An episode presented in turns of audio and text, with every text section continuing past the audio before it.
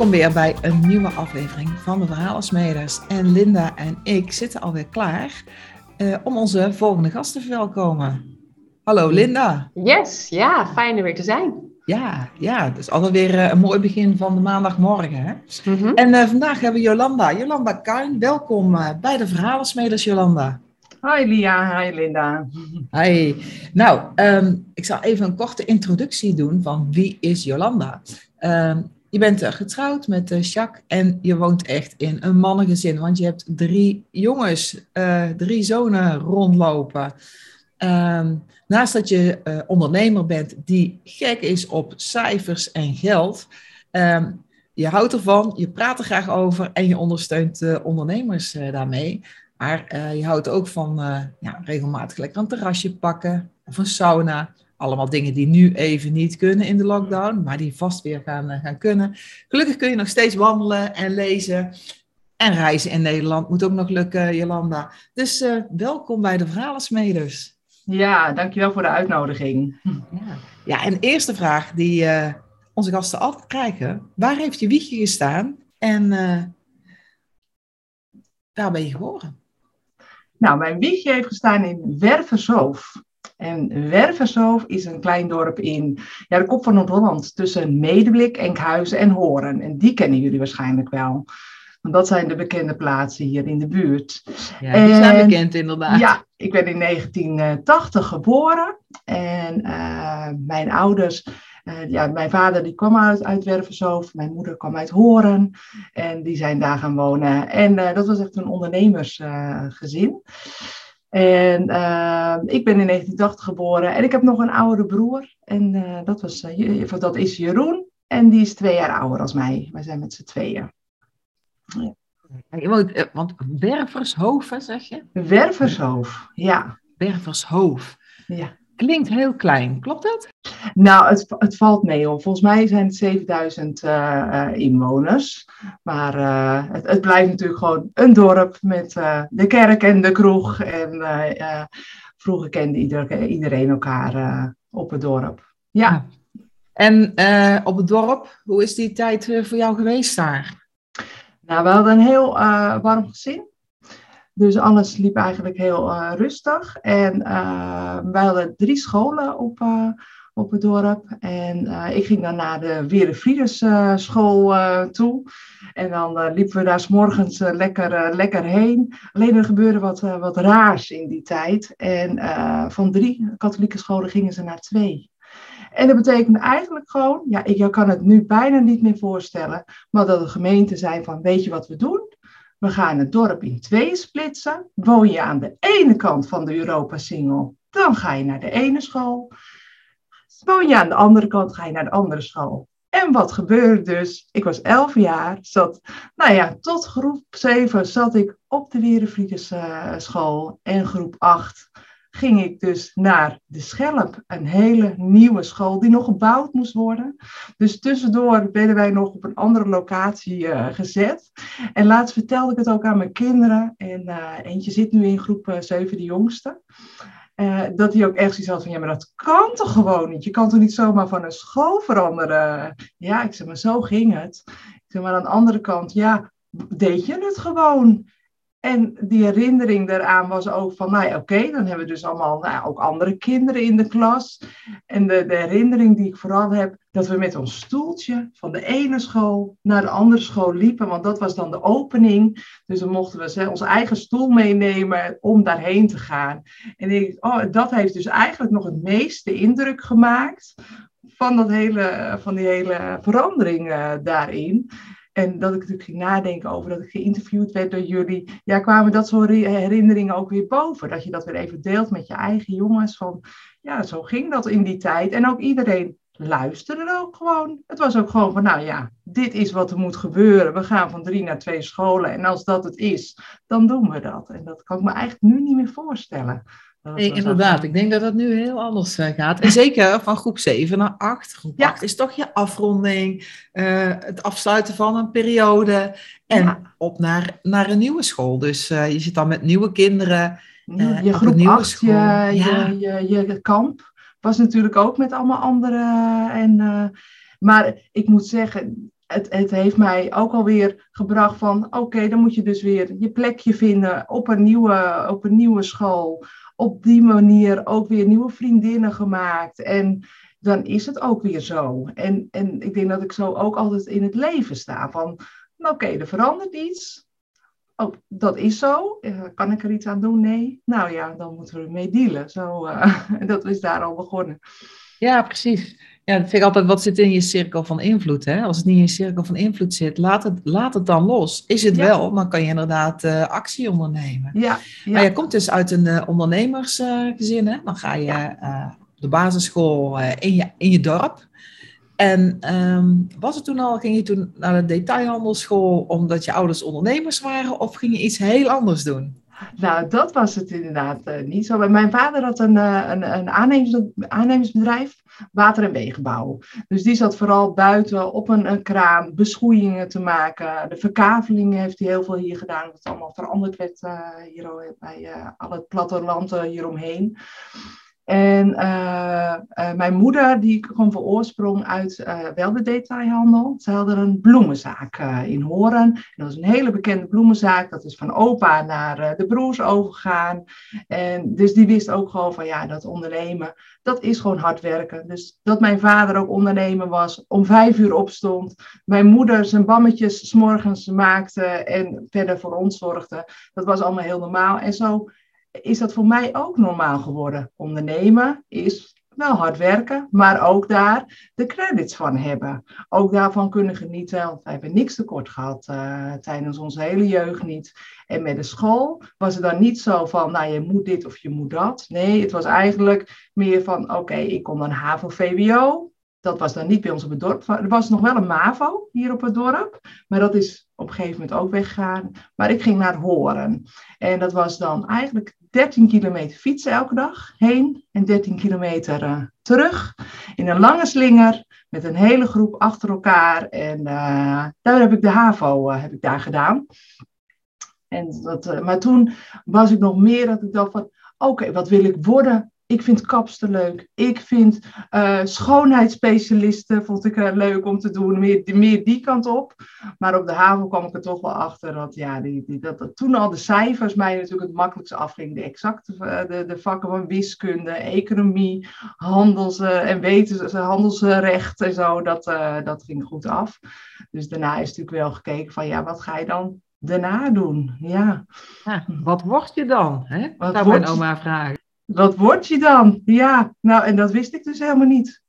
Want in die periode, nou, dan ben je dus van 12 tot 17 jaar zit je op de HAVO, uh, werd ik ook al verliefd op Sjaak. De man die nog steeds mijn man is. En leuk detail, uh, dat morgen uh, zijn wij 25 jaar samen.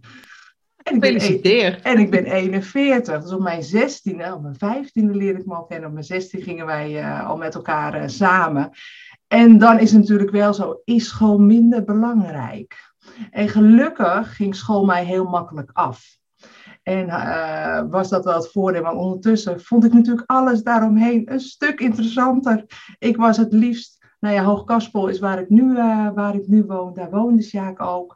Daar was ik het liefst met vrienden. Elke zaterdag natuurlijk uit. En uh, dus toen was het van, ja, wat ga je dan daarna doen? En ik had geen idee. Ik wist niet wat ik wilde, wat ik wilde worden. Dus toen werd het de HEO, bedrijfseconomie. Vandaar kon je alle kanten mee op. Dus vanuit Horen ben ik toen uh, naar de HEO gegaan in Alkmaar.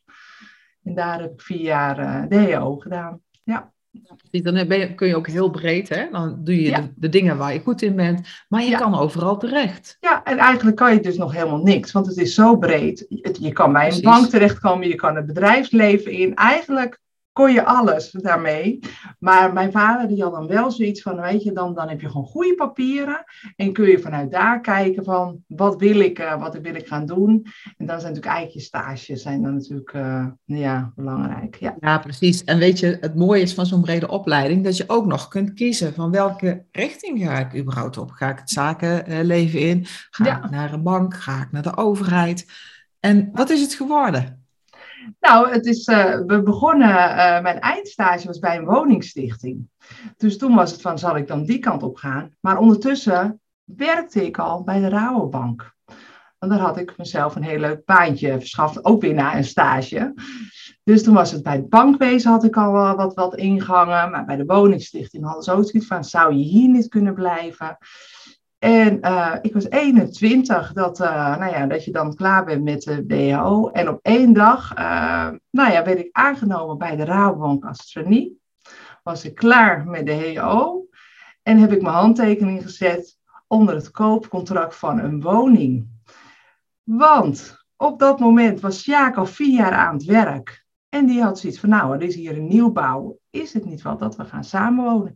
En ik was natuurlijk eigenlijk vanaf mijn twaalfde fietste ik naar, naar Horen. Ik was in Alkmaar. Ik, ik had helemaal niet zoveel met Wervershoofd. Dus het liefst had ik ook iets van, we gaan op onszelf. En als we dan dit kunnen kopen, ja, dat zou toch helemaal te gek zijn.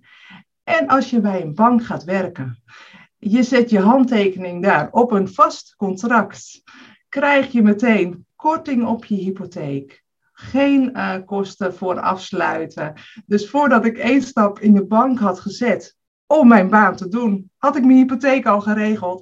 dat is dan, als ik daarover terugdenk, oh ja, want zo doe ik dat heel vaak. Dat ik gewoon van, nou ja, hoe kan het geregeld worden? Wat is handig? En, want bij de bank werken vond ik op dat moment, uh, dacht ik, ja, past dat me eigenlijk uh, wel?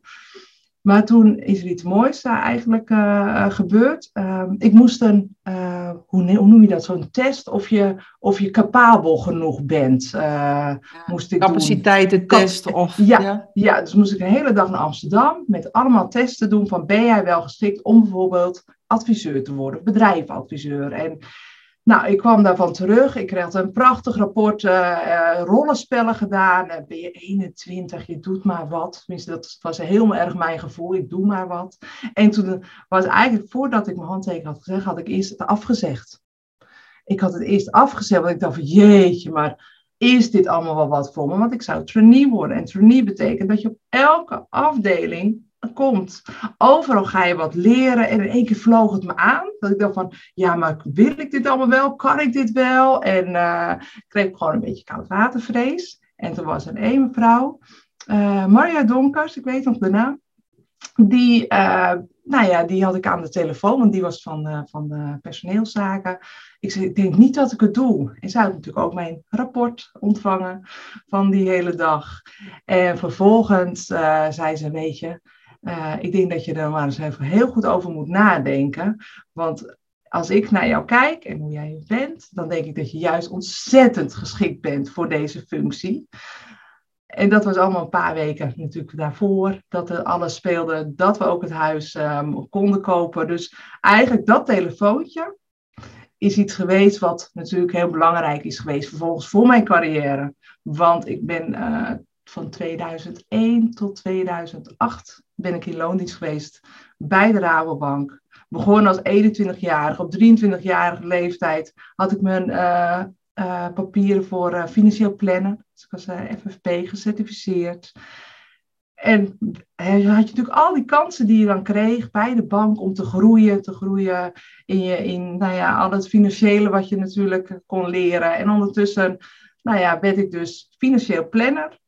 En dat was dan voor particulieren, maar wel voor de particulieren. Nou, eigenlijk was het voor de ondernemer in privé, zo noemden ze dat. Dus dan ging ik samen met de bedrijfadviseur op pad. Hij deed het financiële gedeelte voor de zaak. Ik deed het particuliere gedeelte. En alles, waar sta je nu? Waar wil je heen? Als er een bedrijfsoverdracht is, als er de arbeidsongeschiktheid komt, als er iets op je pad komt, ja, wat moet er dan gebeuren? En dat vulde ik, uh, vulde ik in. Ja. Dat is op zich een hele leuke baan. Zowel uh, uh, intern, maar vooral ook heel erg extern uh, gericht. Ja, ja, want het was vooral natuurlijk je eigen toko had je op een gegeven ja. moment ook. Ja, dat je dat gewoon uh, allemaal met elkaar kon, kon regelen. En die vrijheid was het toen ook nog hè, bij de banken. Ja. Daar werd wel een verandering, kwam daar op een gegeven moment in. Ja, ja precies. Daar is heel veel veranderd. Ja. En, ehm, maar je hebt daar gewerkt, hè? bijna acht jaar hoor ik je zeggen. Dus ja. er is een moment gekomen waarop jij dacht van ik ga iets anders doen. En was dat een bewuste keuze of wat was dat moment? Ja, het was uh, wel mooi om te vertellen. Um, ik, nou ja, op een gegeven moment gingen we denken aan kinderen. En onze vriendengroep zit allemaal in de leeftijd van mijn man, dus die waren allemaal wat ouder, er kwamen al wat kinderen. En bij mij was het niet zo dat mijn eierstokken klopperden van, oh, uh, je bent eraan toe, of uh, want ik was eigenlijk gewoon veel meer bezig met, nou ja, die 32-urige werkweek, uh, mijn carrière, de leaseauto die ik had. Vond ik allemaal heel interessant. En ik zag mezelf ook natuurlijk gewoon als kostwinnaar van het bedrijf. Ik verdiende veel meer als mijn man. Die ondertussen wel op zichzelf gegaan was het jaar daarvoor uh, dat ik ge gestopt ben. Als hovenier, want we hebben ook een hoveniersbedrijf. En uh, dus eigenlijk ging alles wel heel goed, want ik had het helemaal voor elkaar. Alles wat ik wilde, had ik. En toen kwam dus het moment van, ja, wil ik ook kinderen? Wil ik kinderen? Wil ik kinderen? Ja, mijn man die zat heel hard te schudden van, ja, heel graag. En toen dacht ik, ja, weet je, dat hoort wel er ook bij. Ik denk wel dat het echt wat voor ons is. En dat ik zwanger uh, werd, ja, vond ik het ook fantastisch. Toen dacht ik, ja, maar dit is ook gewoon zo mooi om dat mee te maken, om dat te voelen. En toen, uh, nou ja, kreeg ik natuurlijk bij de bank ook de vrijheid voor nou ja, zwangerschapsverlof. Uh, daarna heb ik ouderschapsverlof één dag in de week, want ik mocht niet minder werken. Maar dan met ouderschapsverlof kon je dat dus weer, uh, dat je dan drie dagen. Maar eigenlijk werkte natuurlijk gewoon al je uren in die drie dagen. Uh, en het thuiswerken kwam toen net een beetje in. Dat we thuis konden inloggen op het systeem. Dus wat ga je dan ook doen? Thuis natuurlijk uh, wat dingen voorbereiden. Want ik ben wel een type die alles goed voor elkaar wil hebben. Dus ik ging natuurlijk al steeds harder, steeds harder werken. Maar bij de bank kwam ook steeds meer. Ja, dat was helemaal niet Rabo-minded, maar bij de andere bank had het veel meer al over ja, je sales. Dat het allemaal natuurlijk genoteerd moest worden. En wij waren veel meer een bedrijf van uh, dicht bij de klant staan en het goed willen doen voor je klant. En in één keer kwam er een Amerikaans systeem dat we veel meer die verkopen moesten doen. Dus op maandagochtend zat ik in een sales meeting en moest ik het, dat ik dacht, ja, ik heb gewoon hele mooie afspraken en ik heb een pensioengesprek. Ik, het komt wel goed. Maar nee, er moest, ja, dat heette toen op het begin ook nog zelfs teleturf. Ja, wie verzint het? Maar moest ik dus daarin noteren hoeveel turfjes ik had. En um, ik ben steeds uh. En ik ben helemaal niet zo, want ik, ik, denk altijd heel graag mee en ben van positief. Maar op een gegeven moment hoorde ik me dingen zeggen op de maandagochtendmeeting dat ik dacht van, nou ja, dit gaat helemaal niet goed. En wat gebeurde er ook, ik werd zwanger van nummer twee. En dat was best wel snel na nummer één, zeg maar. en dan komt er natuurlijk een gewetensvraag. Hoe ga ik dit nu aanpakken? Want ik kan natuurlijk weer hetzelfde riedeltje doen. Ouders, of, uh, in dik salaris, uh, alles kan door blijven gaan. Hoe wil ik dat? Uh, alleen merkte ik ook dat het moederschap me veel meer ja, bracht dan ik had gedacht. Ik gaf zelfs borstvoeding bij de eerste. Nou echt, dat, daarvoor had ik zoiets, dit, dit, dit, nou ja, dat, daar komt gewoon niemand, gewoon geen kinderen aan mijn borst. En ik vond dat zelfs leuk. Dus bij die tweede kwam dat natuurlijk ook weer van, ja, hoe ga ik dit nu doen? En uh, wil ik eigenlijk deze baan wel op deze manier houden? En in twee weken heb ik bedacht, dit is niet meer wat ik wil. Gesprek met mijn leidinggevende van, ik stop ermee. Dus ik ben zelf weggegaan zonder een of andere uh, constructie, wat je natuurlijk nu veel ziet. Ik heb gewoon gezegd, ik zeg mijn baan op en uh, ik, heb, uh, ik had vakantiedagen nog staan. Ik denk dat ik, nou met een maand was ik ook gewoon gestopt. toen nog niet bekendgemaakt dat ik zwanger was. En op een gegeven moment ook gezegd, nee, nou ik ben ook zwanger. En toen had ik eigenlijk het voor mezelf ook zo natuurlijk berekend als financiële planners kunnen doen kan dit natuurlijk ook allemaal. Want ja, het is natuurlijk allemaal wel dat je het in je hoofd haalt van ik wil het anders. Maar kan het ook? Ja, dat kon ik ook zelf berekenen. En we hadden goed voor onszelf gezorgd. Dus die, de, de stukje geld stond ons niet in de weg om voor geluk te kiezen. We konden gewoon zeggen van ik ga dit aan. Mijn man die had ook zoiets als jij dat op dit moment zo voelt. Ja, dan moeten we dat gewoon doen. Want die zag ook wel dat ik iets minder gezellig werd als ik uh, bij de bank uh, terugkwam. Dus uh, ja, hebben we die beslissing genomen en ben ik uh, fulltime moeder geworden op dat moment. Ja, bijzonder hè, wat een zwangerschap uh, ja. als omslag kan hebben. Hè? Dat je toch ja. naar hele andere delen van jezelf komt, die je ja. van tevoren zou hebben gedacht van... hmm, Nee. ik, ik niet. Nee, nee. Ik denk dat heel veel mensen om mij heen ook hadden gedacht van, hè? Wat? Is zij nu gewoon fulltime thuis? Eh, ze was nooit thuis, want ze was altijd met de werk bezig en vond dat belangrijk. En toen Ja, heb ik dat precies. omarmd, dat ik dacht van, ja, maar wat is nu eigenlijk belangrijk? Dit gedeelte van ons leven is belangrijk. Precies, Linda, jij wilt iets zeggen. Want ik zie natuurlijk in jouw design een enorme aanwijzing. Wat dat heel erg juist bij jou past. Ik ben benieuwd, Linda. Ja, nee, maar je hebt, een, je hebt heel veel in jouw design wat wijst naar support. Jij bent echt een familiemens. Dat zit ook echt in een kernkwaliteit. Jij bent hier voor vriendschap, familie. Vind jij enorm belangrijk. En ook je bijdrage leveren aan, aan familie. En ook ja, het onder de mensen zijn vind jij sowieso ook heel fijn. Dus dat dat, eh, dat, dat zo is, dat, dat, nou, dat komt heel erg duidelijk naar voren. Maar ik zie ook eh, ambitie in je design. Ook heel sterk. En dat is ook wel iets wat voor jou ook heel eh, ja, belangrijk is. Om ook een stapje hoger te kunnen gaan elke keer. Ehm hoeft niet eens hè, altijd met status of met dingen te maken maar wel jezelf ontwikkelen. En elke keer wel weer nieuwe stappen daarin zetten. Dus dat, eh, nou, ben benieuwd in het vervolg van je verhaal of we dat ook, eh, ook verder terug horen. Dan ben ik, eh, ben ik benieuwd, Linda, of we dat gaan horen. Want je hebt dan twee kinderen. Ehm, ik hoor van Linda ambitie en dat blijkt ook wel uit je, uit je verhalen. Hè, van je bent gegroeid, je ziet kansen, je gaat ervoor. Ehm, en dan zit je ineens thuis met twee kinderen. Ja. Hoe was dat? Want het lijkt al op een, eh, op een eh, cultuurshock. Nou, in aanloop van de bevalling van de tweede eh, bleek dus dat, dat die zwangerschap. Ik heb in het ziekenhuis een aantal keer gelegen. En daarvan heb ik eigenlijk daar. Nu kijk ik daarop terug van. Wat was het toch mooi dat ik niet in loondienst of alles was. Want het maakte helemaal niet uit. Ik hoefde geen werk en alles te doen, want mijn, mijn, mijn placenta lag verkeerd. Dus daardoor had ik continu bloedingen. Maar had ik ook de rust natuurlijk om daar eh, eh, de tijd voor te geven. En een hele lieve buurvrouw, dat als het misging, dat ik zei, Chris zit nog achter in de auto, maar dat gaat niet goed. Ik moet liggen. Dat zij dan, nou ja, dat overnam en zo ging dat. En dat was heel, heel prettig. En uh, uh, onze tweede is ook zes weken te vroeg geboren.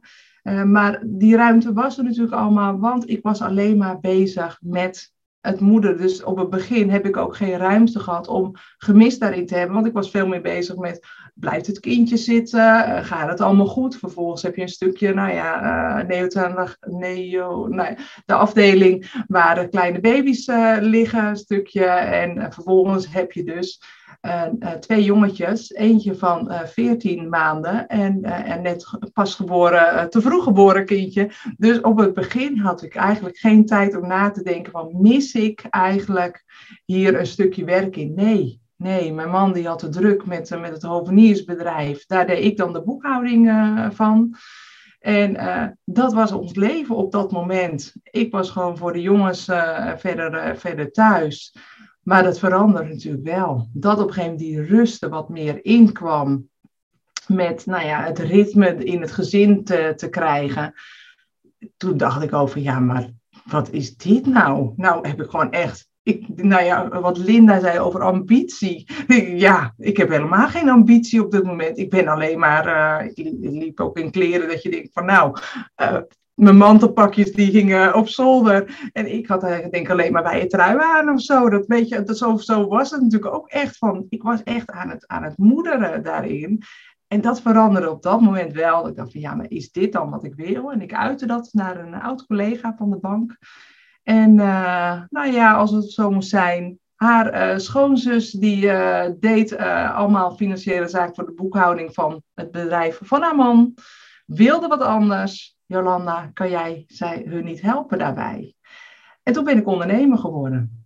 Want op dat moment dacht ik, ja, maar ik ga niet in loondienst dan. Uh, dan doe ik het als uh, in ondernemerschap. Verhuur ik mezelf aan het bedrijf. Ga ik de boekhouding uh, doen. Het zou iets voor twee dagen zijn. Maar ik zei, laten we beginnen met één dag.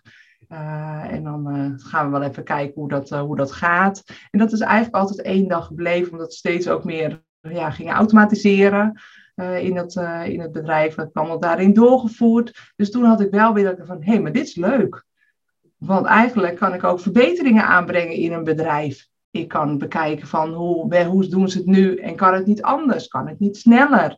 Uh, dus daar is dat vuurtje aangegaan ook om bedrijven verder te helpen. Uh, alleen ondertussen kwam er ook nog een derde zoon aan. Dus uh, dat heeft wel iets langer geduurd voordat ik helemaal verder mijn ondernemerschap ging, groter ging maken. Want dat, eigenlijk is dat gekomen dat jongste vier werd. Want toen kwam er natuurlijk meer ruimte ook om gewoon te zeggen van ja, maar wat ik voor ons eigen bedrijf kan, wat ik voor het schildersbedrijf kan, dat kan ik ook voor andere bedrijven. En daar heb ik weinig reclame voor hoeven te, te, te doen. Want op een gegeven moment weet oh, maar die heb ook iemand nodig. Oh, misschien kan je die nog wel even helpen. En zo is dat eigenlijk gekomen dat ik een administratiekantoor had met verschillende bedrijven. Waar ik, nou ja, allemaal de boekhouding van deed, adviezen gaf ook altijd al een stukje deed van waar sta je nu? Waar wil je heen? Hoe kan je dat het beste voor elkaar uh, krijgen? Ja, dus die ambitie kwam weer terug. Ja, precies. En ook weer met cijfers en centen, zal ik maar zeggen. Hè? Het gaat om financieel, het, gaat, het is eigenlijk het verlengde wat je altijd hebt gedaan. Uh, de, de, de, ambitie om met cijfers te werken, de lol die je erin hebt. Ja. Ja, geweldig om te horen. Die heb ik absoluut namelijk helemaal niet, die lol. Dus ik ben ook heel blij dat er mensen zoals jij zijn, die dit allemaal uh, regelen en, en in adviseren. En mooi dat dat dan van mond tot mond gaat, hè? want dan kan je inderdaad uh, heel mooi in je, in je omgeving uh, werken. Maar uh, wat heb jij nou in jouw ondernemerschap ontdekt? Wat is jouw ervaring die je daarover kunt delen? Nou, wat ik, wat ik heel erg in mij heb, is dat ik altijd bedenk van waar liggen kansen voor een bedrijf. Maar ook, dus dat is meer naar buiten gericht, van waar liggen kansen en waarom doe je het niet op die manier. Maar ook intern van, ja, maar dit kan toch veel makkelijker? Dit kan toch veel sneller? Dit kan toch veel handiger? Zo wordt het ook veel leuker. Dus dat ging ik ook heel erg omarmen. Dat ik dacht van oké, maar waar ligt dan mijn kracht daarin? En dat werd online boekhouden. Wat toen, het was 2009 ben ik toen op mezelf gegaan. Dus dat online boekhouden kwam toen ook allemaal net, uh, net in. Dus dat werd ook een beetje eigenlijk natuurlijk mijn uh, uh, sterke punt van in mijn bedrijf, om daar ondernemers mee te helpen van hoe kunnen we dat nou zo digitaliseren dat je met een druk op de knop alles geregeld hebt. Want ik zag mezelf eigenlijk niet altijd maar uren maken om daar bonnetjes in te voeren. Ik dacht, ja, dat is even leuk. Maar dat is niet waarvoor ik hier ben. Ik ben meer van, oké, ik zie hoe je het doet en hoe kunnen we het verbeteren. Dat we het vervolgens allemaal eigenlijk, of dat je het zelf doet, of dat je het, uh, het systeem het allemaal uh, gaat doen. Dus dat heb ik vooral in mijn ondernemerschap. Om die vraag te beantwoorden, is vooral gewoon, ja, alles dus op, de, op een bepaalde manier te doen, dat je er veel meer energie en plezier in hebt in je ondernemerschap. Ja, en ik hoor je ook zeggen, hè, wat daar voor mij dan bij samenhangt, ook een stuk rust. Hè? Rust, dat je weet, oké, ik heb mijn cijfers uh, op orde, ik weet waar ik sta, ik weet uh, hoeveel omzetbelasting ik moet betalen, ik weet hoeveel inkomstenbelasting eraan ja. komt, wat ik moet gaan reserveren voor mijn pensioen. Al dat soort dingen geeft ook rust, want daar heb je als, nou, laat ik voor mezelf spreken, ik uh, vind het belangrijk dat het klopt. Maar ik wil het niet allemaal zelf doen, zal ik maar zeggen. Nee. En, en dan is het fijn wanneer je een adviseur hebt die even meekijkt en uh, die, uh, die, die regelt waar ik niet goed in ben, zal ik maar zeggen.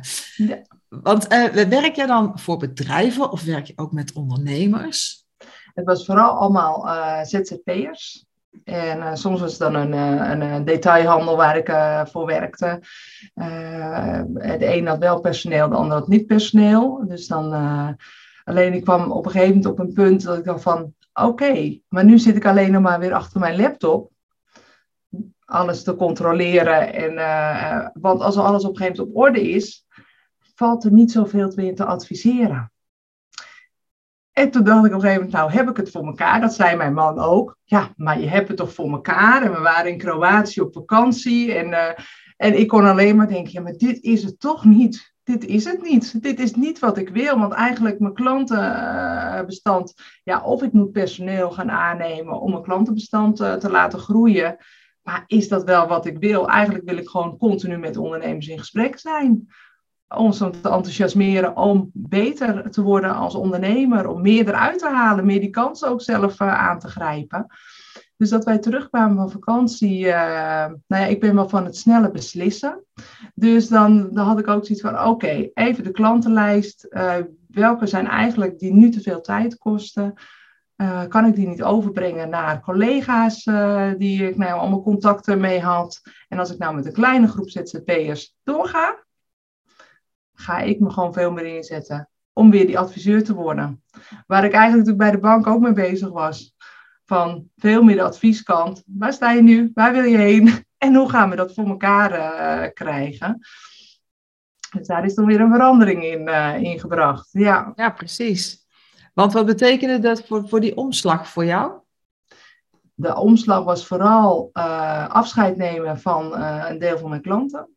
Kiezen voor mezelf van wat vind ik nu leuk in mijn bedrijf? Waar heb ik nu plezier in? In plaats van oké, het loopt allemaal, er komt elke maand geld uh, binnen en uh, we hebben het goed. Nee, wat vind, vind, ik nu leuk? En toen ben ik bij een coach ook terechtgekomen om marketing meer uh, op te pakken en online, online ondernemen. En toen kwam het vuurtje ook weer over van mezelf, dat ik dacht van, oh, maar dit is leuk, want er kwam ook weer een stukje persoonlijke uh, ontwikkeling erbij. Ik ging weer allemaal boeken lezen. Uh, dat ik daarvoor, ja, dan heb je ten eerste en drie kleine kinderen en je bent aan het ondernemen. Nou, het was meer, denk ik, overleven. Want ik was natuurlijk met alles, van alles was ik bezig. Maar waar stond ik zelf? Nou, ergens achter in de rij. Ja, ik had alles geregeld. Dus uh, ja, ja, en ik uh, klik even wat open, Jolanda, want ik, ondertussen ben ik altijd als mensen praten aan het kijken.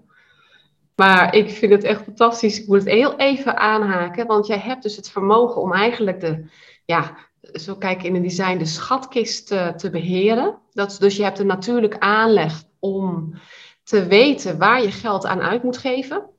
Maar je hebt dat in een hele specifieke manier. En de titel is Money isn't everything. En waar heb je het nu net over? Waar zit mijn eigen plezier? En ik denk dat dat ook heel erg is hè, um, waar jij uh, mensen in begeleidt, ondernemers in begeleidt.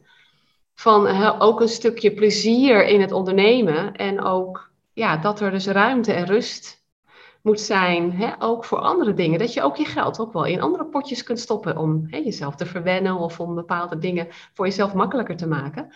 En wat, hoe dit bij jou naar voren komt, is ook dat jij, en dat zie ik sowieso veel in jouw design, dat er, je hebt, een hele, je hebt hele sterke meningen en ideeën over hoe je bepaalde dingen moet doen. En ook wel echt hogere principes. Dus jij, ik denk dat jij heel erg kijkt ook naar, hè, vanuit um, nou, dat stukje geld beheren ook naar wat voor principes liggen daar nou onder. Maar ik ben heel benieuwd hoe je dat, uh, hoe je dat ervaart. Maar ik moest even, ik moest heel eventjes hier uh, wat in, uh, in zeggen. ja, dus ik weet niet, Jolanda, of je, of je dit herkent of hoe je, nou, wat je hiervan vindt. Ja, ja. Nee, ik vind het heel mooi om te horen inderdaad dat je dat zegt van uh, dat plezier dat overstijgt. Maar ik merk ook als je iets met plezier doet, dat natuurlijk eigenlijk de geldstroom vervolgens weer komt.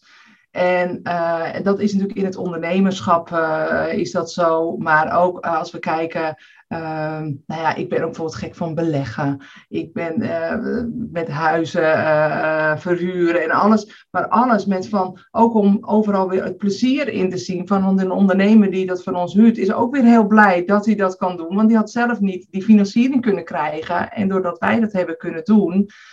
Maar ja, het is natuurlijk een win-win, want wij hebben daar ook weer van. Maar ik ben altijd inderdaad op zoek naar hoe kun je geld toch wel uh, ergens vandaan krijgen. Want dat is natuurlijk wel iets wat, wat continu gewoon ook in mijn, in mijn systeem zit.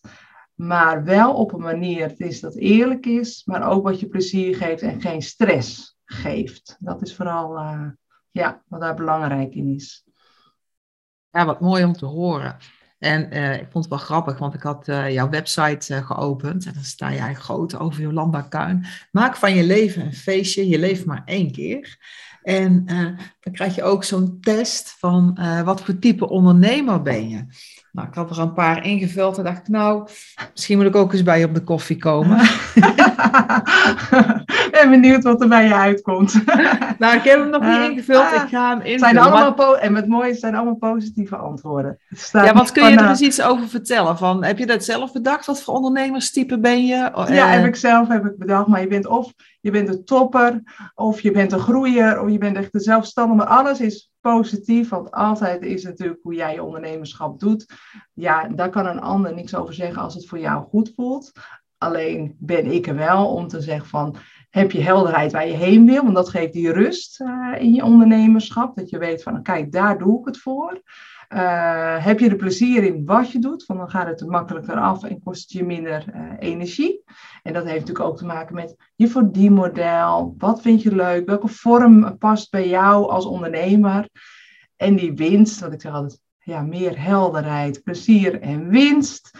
Ja, dat is natuurlijk ook belangrijk. Want als je ziet wat je doet, wat je met plezier doet, ook nog eens geld kan opleveren. Ja, dan is natuurlijk die cirkel rond in je ondernemerschap. Om natuurlijk te zeggen van ja, maar dit is ook echt leuk. En mensen werken graag met mensen die iets leuk vinden wat ze doen. En niet wat ze doen omdat het alleen maar geld oplevert. Nee, precies. Want dat voelen want dat, we. Dat voelen ja, precies. Dat ja. dan, uh, dan ben je snel klaar als je ja. dat uh, doet. Als je met chagrijn uh, je werk doet. Ja, dat is nooit goed, hè? Of je nou zelfstandige of, bent of precies. in dienst. Ja, of als met een soort masker op van, nou ja, ik doe een bepaald trucje, want zo zie ik dat iedereen het doet. Maar als dat niet bij jou past, kan je dat eventjes volhouden. Maar ja, wie hou je dan voor de gek? En ja, ik ben precies. wel van het hele praktische.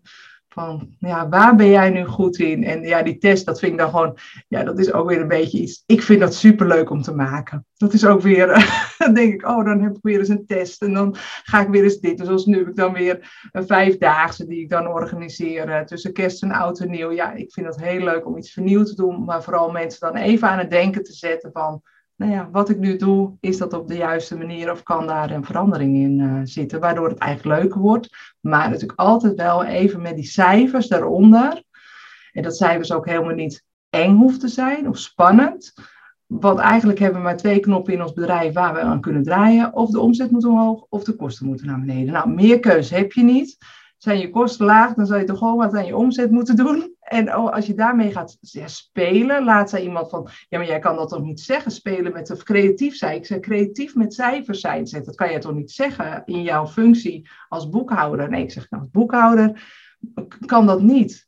Maar als ondernemerscoach, om mensen te laten kijken van, hoe kun jij nu met jouw cijfers zo dat jij het snapt, dat je het leuk vindt om dat, uh, daaraan te drijven. En als ik dus iets in mijn verdienmodel verander, wat heeft dat voor uh, weerga op mijn, op mijn eindbeland? En daar ook eens gewoon eens naar te kijken van, hé, maar als ik het op die manier doe, dan red ik het wel. Want iedereen heeft wel natuurlijk in zijn hoofd van, dit zou ik eigenlijk uit mijn bedrijf willen halen. Alleen ik zie nog heel veel ondernemers eigenlijk gewoon ja, weinig verdienen. En vooral vrouwen, dus ik richt mij ook vooral op vrouwen. Want die waarderen zichzelf ontzettend onder. Ja. Ja, en uh, wat voor... Uh stel dat mensen zitten te luisteren, of ze zitten misschien ook in dienstverband en die denken van, oh weet je, Jolanda die maakt gewoon een keuze om, om te stoppen en, en te gaan. Nou, moedig ik nooit iemand aan om meteen te zeggen van die knop om en ik doe niks meer. Hè? Denk er altijd eerst over na. Ja, ja, ja. Ik zeg altijd, Zet eens even je cijfers op een rij. Dat Precies. Ga eerst even bij Jolanda langs. Ja. Nee, maar het, is, het, is, het kan en-en zijn. Hè? En ik merkte bij mezelf ook wel dat ik heel vaak of ik doe dit of ik doe dat. En ook de bewustwording van en ik blijf een tijdje nog werken. En ik zorg dat ik wat reserve heb. En ik ga ondertussen kijken van ik ga voor mezelf beginnen en hoe ga ik dat doen. Hè? Dus dat en en. Dat is wel een hele belangrijke die ik heb geleerd. Hè? Dat het niet altijd of-of uh, moet zijn. Um, en wat voor mensen trek jij nu aan? Of wat zijn nou jouw, jouw ideale klanten? Die huilend op een zolderkamertje zitten nu? Die, die huilend op een zolderkamer. Nou, het zijn, het zijn vooral vrouwen die ik aantrek. En af en toe een man. Maar in de groepen zitten meestal uh, alleen uh, vrouwen. Die eigenlijk echt kwaliteit leveren in hun werk. Al een aantal jaar ook lekker bezig zijn en ook dat voelen van het, het, het gaat lekker. Maar wil ik eigenlijk zo door? En uh, zo grappig met mijn klanten zeg ik ook vaak van uh, dat we eigenlijk uh, je ideale klant een naam geven. Met dan dezelfde voorletters, zeg maar. Dus ik noem mij dus de kruis, kruispunt kristal. Eigenlijk zijn het mijn klanten kruispunt kristals. Die staan op een kruispunt van ik kan lekker zo doorgaan. ik ben lekker aan het werk, het gaat, ik word gezien.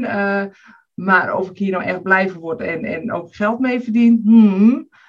Of ik kan nu een keuze maken voor mezelf te gaan staan. Want ik ben ergens goed in, maar ik durf het eigenlijk nog niet echt hardop te zeggen. Ik vind het ook lastig om mijn onderneming te doorgronden. Van ja, wat, wat is, is mijn fundament nou daarin uh, echt goed? Dus daar komt natuurlijk dat stukje weer met ja, cijfers en alles. Uh, en maar ook helderheid hebben, waar wil ik heen? Om die te helpen. Dus als die op dat kruispunt staan, op dit moment van ja, modder ik zo door, vind ik het wel goed, zo zo. Of kies je ervoor van, ja, eigenlijk wil ik weer dat mijn uh, vuurtje veel meer gaat vlammen voor hetgeen waar ik plezier in heb. En dat is natuurlijk vaak gewoon je vakgebied. Daar haal je je plezier uit. Want het ondernemerschap, dat je dat gewoon even wat makkelijker afgaat. Dat je weet van als ik op die manieren doe, dan, uh, dan gaat het mij makkelijker af. Heb ik een win-win vaak ook met mijn klant. Want voor mijn klant is het vaak ook veel beter als ik het op die manier doe. En uh, ja, komt er rust in, uh, in het bedrijf.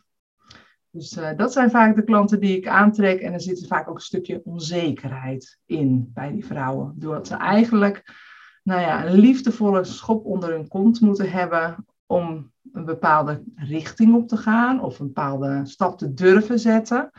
Van ja, want je bent goed genoeg. Ja, precies. En daar hoort voor mij ook de klantwaarde bij. Hè? Wat ik uh, in mijn omgeving uh, soms uh, zie, dat mensen met zo, met name vrouwen, wat je ook heeft, zoveel talenten en kwaliteiten hebben. En dan is ja, maar ja, als ik dat gevraagd, wie gaat dan nou betalen? Het is wel heel veel. En inderdaad, die, die bescheidenheid, terwijl je zoveel klantwaarde kunt brengen. Dus die liefdevolle schop, mooi dat je dat zo zegt, om, om echt te gaan staan voor je klantwaarde. Want als je dat niet doet, gaat het ook niet stromen. Dan blijf je aanmodderen in de marge, dan blijf je in de paddenpoel staan uh, uh, van het ondernemerschap. Hè? En af en toe ja, zak je, je in even, de modder. Ja, en je hebt het even hartstikke druk. Want ja, ja je, de vraag is er even goed wel. Ja, je werkt je drie slagen in de ronde ja. en uiteindelijk denk je aan het eind van de maand, nou, ja. Waar ja. heb ik het voor gedaan? Ik had beter uh, een baan kunnen hebben bij de supermarkt, dan had ik waarschijnlijk meer uh, overgehouden. Als je dan per uur gaat uitrekenen ja. wat ze dan hebben, wat ik natuurlijk wel eens doe met klanten. Hoeveel ja. uur heb je nu gewerkt en wat hebben we eigenlijk over? Uh, dan is het inderdaad soms dat je beter achter de kassa kan gaan zitten. Ja, precies. Dan kan het huilen met de pet op zijn. En die bewustzijn is natuurlijk ook wel heel belangrijk om dat te krijgen. Hè? Van, hé, hey, ik onderneem, maar ben ik wel aan het ondernemen of ben ik aan het overleven? Dus... Ja, of continu naar de pijpen van de klanten dansen of heel veel aanbieden. Dat zie ik ook bij heel veel vrouwen. Want ik kan dit en ik kan dat en ik kan zus. Oh, en die wilde het eigenlijk op die manier. Dus dat heb ik ook nog maar even in mijn aanbod uh, gezet. Ja. Terwijl als je eigenlijk kritisch kijkt van ja, wat levert nu het meest op? Is het vaak gewoon één product. Omdat ze daar eigenlijk al hun ziel en zaligheid in geven. Alleen nog niet dat durven te vragen van dit is ook wat het waard is. Ja, dus ze, je helpt... het, ze weten het vaak allemaal. Hè? Alleen... Ja, de, de keuze maken en daarvoor uitkomen. Hè? Want ja, ja, als je veel kunt, dan denk je, nou ja, dan heb je de neiging om met een hagel te schieten, want dan blijft er ergens wel een hageltje hangen. Maar ja. word je daar dan echt blij van? Dus jij helpt uh, of begeleidt ondernemers ook van, oké, die focus, waar ben je voor, waar sta je voor? Ja. En, en doe je dat online, Jolanda? Of heb je een academie of hoe, hoe organiseer je dat? Ja, nou, ik heb een eigen kantoor waar ik, uh, waar ik klanten ook kan uh, ontvangen. Uh, dus vaak is het dat het maatwerk, dat dat vaak offline gaat, maar wel ondersteund met een online academie. Ik heb een online academie waar 50 ondernemerslessen in staan. Dus ze kunnen op eigen tempo kunnen dat volgen. En de maatwerkklanten, die komen vaak gewoon op kantoor om echt even die coaching te hebben en diep ergens op in te gaan. Maar de groep, die doet het vooral online. En dan is het 14 weken lang Elke week hebben we een, eh, een call met elkaar. Maar komen ze ook allemaal individueel een dag bij mij op kantoor. Want dan gaan we, nou ja, diep de cijfers in. En dat ga je natuurlijk niet met de hele groep uh, bespreken. Van nou ja, want hoe doe jij natuurlijk wel op, op, op een bepaald niveau, maar niet uh, hoe jij al je cijfers voor elkaar hebt. Dan komen ze dus bij mij op kantoor. En dan hebben we een hele dag samen waar we dus echt een diepdijf gaan doen in de cijfers. Maar ook waar beslissingen gemaakt worden vaak in die dag. Van ja, maar die kant moet ik dus op. Want dan zie je het ook gewoon in beeld staan van dit levert het op. Verander je iets, dan uh, levert je dat op. Dus het is een uh, blended uh, programma wat ik aanbied en een deel online. omdat ik bijvoorbeeld de laatste groep, ja, twee uit, eentje kwam uit Arnhem, ander uit Sint-Oederode, eentje uit Langendijk. Ja, dan heb je natuurlijk Nederland te pakken. Dus dan is het mooi dat je dat online gedeelte erbij hebt. Maar wel altijd met een dag bij mij op kantoor.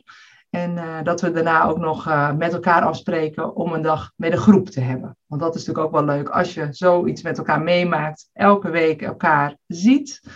Uh, de groei ook vaak ziet, maar ook de momenten dat het niet zo leuk is. Want dat is natuurlijk in het ondernemerschap, ja, de ene moment heb je zoiets van dit was een hele goede week en de andere heb je ziet, ik stop ermee en uh, nou, ik, ik, ik ben er klaar mee. En dan zijn ze bijna in tranen uh, op het beeldscherm. Dat je dat allemaal samen doorloopt. Ja, wordt het vaak ook een, een hechte groep natuurlijk. En is het leuk om elkaar ook ja, uh, daarna te ontmoeten. En zoals de groep, die laatste groep die ik heb begeleid, die zijn gewoon doorgaan met de wekelijkse calls met elkaar. Dus die, ja, mooi om te horen. Ja. En dat kan ook vanuit jouw academie. Want daar zie je de mensen zitten die uh, bij jou de, de, training hebben gevolgd en die hebben ook onderling contact om elkaar te ondersteunen? Of, uh... De groep die zit inderdaad bij elkaar allemaal in een. Uh, nee, ik doe het dan niet met een Facebookgroep. Ik gebruik Slack daarvoor. Dus die zitten bij elkaar. En daarna krijgen ze allemaal van: wil je ook de follow-up doen? En dan komen dus ook van andere groepen mensen erbij. En dan heb je ook weer andere contacten. Dus ja. ja. Mooi om te horen. Ja. En uh, we komen alweer bijna aan het eind van deze podcast. Dus ik kijk nog even naar Linda. Heb jij nog iets uh, aan te vullen? Ik vond het wel grappig dat uh, eerder in het verhaal dat Jolanda vertelde over de bank. En dat ze een beetje geïrriteerd werd door wat ze dan moest doen. Maar stiekem, Jolanda, ben je gewoon best wel rebels hoor. En, uh, Komt het daar vandaan? Dat, zie ik ook echt wel terug. Ah. En hou je er ook al van om autoriteiten uit te dagen. Dus je zult echt, uh, jij hebt dat echt in je. Dus dat, dat is niet, uh, voor mij geen verrassing dat je dat hebt gedaan. Kijk, kijk. nou, dat is toch fijn. Je kon er gewoon zelf niks aan doen. Dat was het precies. gewoon. Nee, nee. Want dat zit in je. Dus dat kwam er ook heel mooi uit. Ja, ja. Dankjewel. Nou, dan gaan we langzaam naar de afronding. Wil jij nog iets uh, kwijt, Jolanda? Wat je zegt van, nou, die heb ik nog niet uh, genoemd en het toch wel belangrijk om nog te noemen. Nou, wat ik, wat ik vooral belangrijk vind, wat jij natuurlijk al zei, wat er op mijn uh, pagina staat van de over mijn pagina van maak van je leven een feestje. En omarm dat ook echt. Niet alleen maar het zeggen, want dat is natuurlijk heel makkelijk. Maar leef er ook naar. Want het is zo zonde als je een bepaalde beslissing en maar uitstelt. Of maar gaat klagen waarom iets niet lukt. Uh, je, je hebt alles zelf in de hand. En beslissingen die je nu maakt hebben effect op waar je straks eindigt. Dus ga er ook voor. En uh, ja, dat wil ik iedereen aan, aanmoedigen om het ook op die manier te zien. Positiviteit wat meer te brengen naar een ander. Want dat maakt het, het leven leuker, maar uh, ja, ook naar een ander toe ben je leuker. Ja. Nou, dankjewel Jolanda. Dat vind ik een hele mooie afronding van, uh, van deze podcast. En uh, willen de luisteraars meer weten, ga dan naar jolandakind.nl. Dan kun je de ondernemerstest doen. Dan kun je zien wat Jolanda allemaal doet en waar ze eventueel kan, kan ondersteunen. En daarmee zijn we aan het einde gekomen van deze aflevering van de podcast. Uh, volg ons via uh, social media en abonneer je op de podcast uh, Verhalensmeders. Dan krijg je elke maandag een nieuw gesmeed levensverhaal van een van onze gasten. Dankjewel Linda, dankjewel Jolanda en dankjewel luisteraars. Blijf gezond en graag tot de volgende keer.